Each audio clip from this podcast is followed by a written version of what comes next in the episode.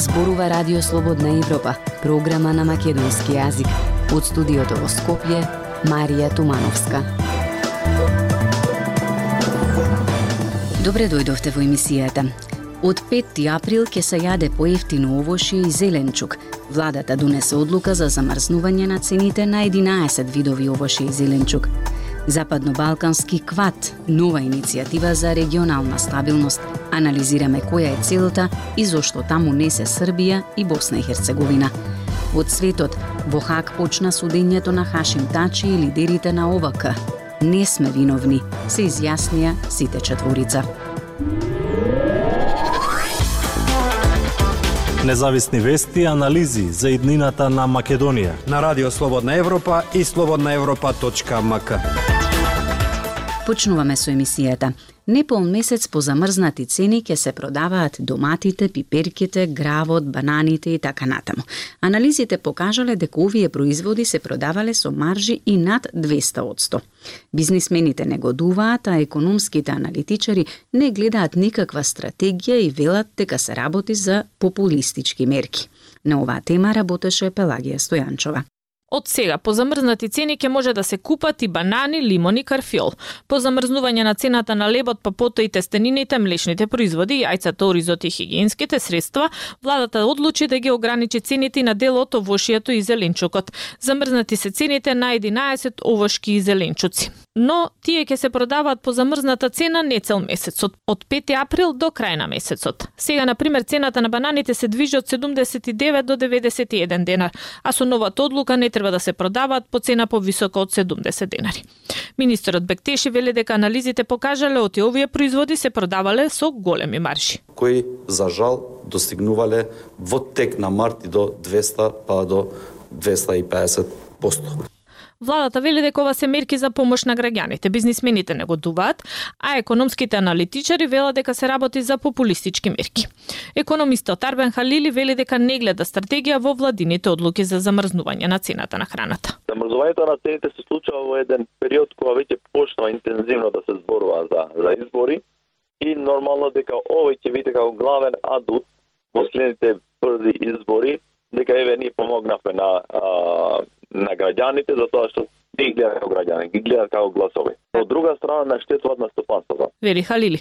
Други економисти предупредуваат дека замрзнувањето може да предизвика задоцната инфлација, слично како во Унгарија, зошто цените нагло ќе пораснат кога ќе прекине замрзнувањето. Но министерот Бектеши вели дека нема да дојде до нагло поскапување. Цените на храната на меѓународните пазари веќе цела година се намалуваат, но тој тренд не се следи во Македонија, а храната тука е за 25% поскапа од лани. Професор Маријан Петрески вели дека дури и да се оправдани мерките на владата, тие треба да траат кратко со цел само да го стабилизираат пазарот, а понатаму како форма на линеарни мерки да бидат напуштени апропо генералната дискусија дека а, помош во кризата треба да се а, да се канализира до најзасегнатите, односно оние на кои што им е најпотребна, додека а, дел од популацијата кои што товарот на кризата може да го сноси сама, треба да се остави да го сноси сама. Големиот раст на цените на прехранбените производи е проблем во Македонија, оти тука има највисока инфлација во регионот и едно од највисоките во Европа. Но Македонија не е единствена земја која со замрзнување на цените се обидува да ја заузди инфлацијата. Цени на основни прехранбени производи замрзнуваше и Србија, Хрватска, Унгарија и други земји во Европа. А повеќето земји од Европската унија ограничува цени на струја, газ, грејење и горива. Освен замрзнување или ограничување на цените, европските влади почесто интервенираа со намалување на даноците и пакети помош за ранливите категории. Слободна Европа. Следете на на Facebook, Twitter и YouTube. Македонското Министерство за надворешни работи неодамна лансираше нова регионална платформа за целосно усогласување со надворешната и безбедносната политика на Европската Унија. Србија и Босна и Херцеговина не се дел од иницијативата. Официјално Скопје и Подгорица уверуваат дека не загрозува друга регионална иницијатива, а Тирана и Приштина остануваат без коментар. Европска четворка или EU Quad. Вака е именувана најновата иницијатива или неформален форум во кој главни актери се Северна Македонија, Албанија, Косово и Црнагора. Иницијативата која според најавите треба да обезбеди регионална стабилност ја промовираше македонскиот министер за надворешни работи Бујар Османи по неодамнешната средба со албанската колешка Олта Джачка, заменик министерот за надворешни работи на Косово Крешник Ахмети и советникот за надворешна политика на црногорскиот премиер Ѓорѓе Радуловиќ.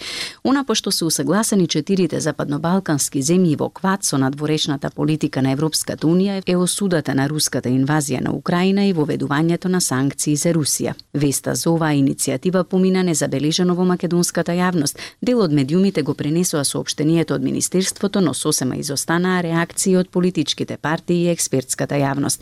За целта и потребата од оваа платформа во услови кога Македонија е дел и од други регионални иницијативи, Радио Слободна Европа побара објаснување од министерот Османи. Тој вели дека иницијативата е еден од поважните елементи за регионалната стабилност и еден од приоритетите во преговорите со Европската Унија и интегративниот процес. Додава дека во неа се четирите земји кои 100% е усогласиле нивната надворешна политика со таа на Европската Унија. До членство на целиот регион ќе мора и останатите држави да се да ја усогласат својата надворешна политика и тогаш ќе бидеме сите 100%. Значи ова е еден вид на промовирање на тоа што сме го постигнале пред Европската Унија, се разбира и повик до сите да овој регион конечно се дефинира геополитички по однос на ориентација. На иста линија е и официјална Подгорица. Подписникот на иницијативата и советник на црногорскиот премиер за надворешна политика Ѓорѓе Радуловиќ вели дека Западно-Балкански кват не е дел од ниту една друга регионална иницијатива, туку е исклучиво поврзана со европската интеграција на регионот. Имајќи предвид дека во моментов бесна и војна на европскиот континент, ЕУ е целосно и особено посветена на заштитата на европските вредности преку осогласување на единствената заедничка надворешна и безбедносна политика, политика, како и прашањето за миграцијата. Платформата не е ексклузивна и резервирана само за четири земји, туку во неа се добродојдени и другите земји од регионот, доколку одлучат целосно да се усогласат со надворешната и безбедносната политика на Европската Унија, вели Радуловик за Радио Слободна Европа. Но од друга страна, формирањето на иницијативата најде на критики од просрпскиот демократски фронт, партија која ја поддржува иницијативата Отворен Балкан и е блиска до српскиот председател Александар Вучик. Кнежевик иницијативата ја нарече самит за голема Албанија. Зарем не е убаво да се види советникот на Дритана Базових на самитот за голема Албанија, а во отворен Балкан не сакаме додека не излезе Србија. Достојни предци од Скадар и Мојковац. Се пропадна, ако може и повеќе од ова, напиша на Твитер еден од лидерите на оваа партија Милан Кнежевик. Од Министерството за надворешни работи на Албанија за Радио Слободна Европа не сакаа ништо да коментираат околу иницијативата Квад, а незабележано помина и во Приштина. Радио Слободна Европа, светот на Македонија. Со бежична слушалка од тајни ливчиња, од скриен телефон или од етикета на шише. Ова се дел од начините на кои препишуваат денешните средношколци. Професорите велат дека методите се се понапредни, но и дека не може цел живот да бидат препишувачи и шверцери и дека некогаш ќе треба да го покажат своето знаење. Emilija Bundes-Kanadzoska.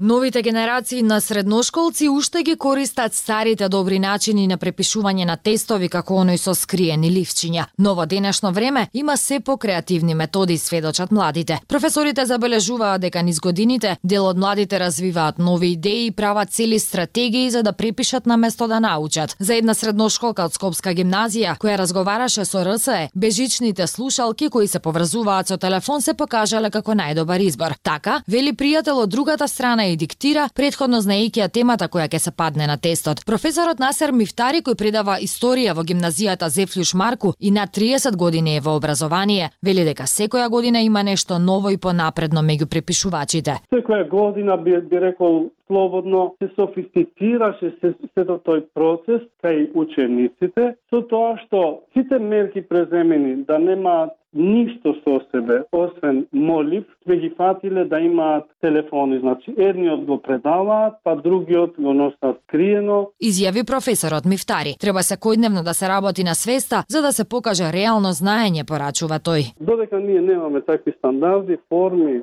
реални, ќе патиме. Едноставно. Многу е лесно да се предава, ама кога се доаѓа за оценување е најтешкиот момент. Заклучи професорот. Средношколка од Скопската гимназија Браќа Миладиновци пак вели дека се случувало и учениците пред тестот да напишат неколку реченици на табла кои не може лесно да ги запаметат и да препишат од таму Повторно, без да забележи професорот. Сведочи дека ученици од различни училишта си препраќаат тестови меѓу себе со пораката «Еј, може истово да ви се падне ако правите тест на таа тема». Едно од решенијата би биле стандардизирани тестови за да се стигне до реални оценки, вели професорот Мифтари. Професорката по македонски јазик во Скопската гимназија Корчагин Татјана Алексич вели дека припишувањето е некој условен рефлекс на кој децата се навикнуваат со години. Ние сме немокни да ги контролираме, не можеш ти како джандар на секој ученик да бдееш 45 минути, пак на крајот нешто ќе препише ако сака. Поентата е да им се даде а, до знаење дека не може цел живот да бидат препишувачи и шверцери, дека не некогаш ќе треба своето знаење да го покажат без да се кријат зад преписки или телефон или апарат. Заклучува Алексич. Препишувачи и понатаму ќе има, за тоа се свесни и професорите, а како што се развива технологијата, се развиваат и нови идеи за препишување. Работењето на свеста дека тоа не е во ред, за сега им останува најважно. Актуелности свет на Радио Слободна Европа. Од светот, Хашим Тачи, Кадри Весели, Јакуб Красничи и Реджеп Селими се изјаснија за невини пред судот во Хак. Тие се обвинети за воени злосторства и злосторства против човештвото, вклучително и прогон, убиства, тортура. Специјалното обвинителство уверува дека има доволно докази за да ги докаже обвиненијата за кои се товарат. Пренесува Емил Златков. Поранешниот председател на Косово Хашим Тачи се изјасни за невин на почетокот на судењето пред специјалниот суд за војни злосорства на Косово со седиште во Хак. Судот го обвини него и уште тројца други поранешни водачи на ослободителната војска на Косово, ОВК, за воени злосторства и злосторства против човештвото, вклучително и прогон, убиства, тортура, присилно исчезнување и други извршени злосторства. Го разбирам обвинението и не сум виновен, им рече Тачи на судиите по воведната фаза на рочиштето. Покретачи за извршени злосторства врз албанци, срби и роми на Косово и во Албанија во 1998-99 година, обвинити си членовите на главниот штаб на ОВК Кадри Весели, Јакоб Красничи и Реджеп Селими. Во својата воведна изјава пак обвинителот Алекс Вајтинг изјави дека обвинетите несомнено се водачи на овака, и дека ќе докажат дека одобрувале и спроведувале политики насочени против наводните соработници, за кои верувале дека соработувале со српските институции или они кои не ја поддржувале овака. Обвинителството повтори дека обвинетите се одговорни за стотици заробени лица и над 100 убиства на луѓе кои ги сметале за нивни противници. Има многу докази за тоа, докази во форма на документи, ќе бидат донесени и сведоци, рече обвинителот. Во продолжение на воведниот одговор, обвинителот Вајтинг подлече дека судскиот процес во Хак не е против ОВК, туку исклучиво против четворицата обвинети за воени злосторства и злосторства против човештвото. Тој зборуваше и за атмосферата на заплашување на сведоците што владее во Косово и посочи дека тоа е една од причините поради кои судовите се селат во Хак. Потребна е храброст да се сведочи овде. Некои нема да сакаат да му кажат на судот што знаат, од страв што ќе се случи со нив или со нивните семејства. Тие можат да ги наречат отпадници, бидејќи соработуваат со овој суд или се лојални на обвинетите, рече обвинителот Вајтинг. Специјалното обвинителство тврди дека ќе докаже дека во ОВК имало хиерархија, а четворицата обвинети имале авторитет во главниот штаб. Обвинителот Метју Холинг кој подетелно зборуваше за доказите, зборуваше за историјата на создавањето на ОВК. Тачи, кој беше лидер на ОВК, се соочува со 10 обвиненија за наводно таргетирање на оние кои се сметале за непријатели на ОВК, вклучително и Срби и Роми. Тој поднесе оставка од функцијата шеф на државата веднаш по подигнувањето на обвинението и е во притворската единица на судот во Хак. Обвинението ги товари Тачи, Весели, Селими и Красничи за злосторства извршени во 42 нелегални притворени центри на ОВК во Косово и во Албанија против околу 407 притвореници, од кои најмалку 98 били убиени во периодот од март 1998 до септември 1999. Во меѓувреме стотици граѓани на Косово и на диаспората се собраа на плоштадот Лаан Ван Реган и Горбачов во Хак во поддршка на поранешните лидери на ОВК. Толку во оваа емисија ја слушавте програмата на македонски јазик на Радио Слободна Европа. Од студиото во Скопје ве поздравуваат Дејан Балаловски и Марија Тумановска.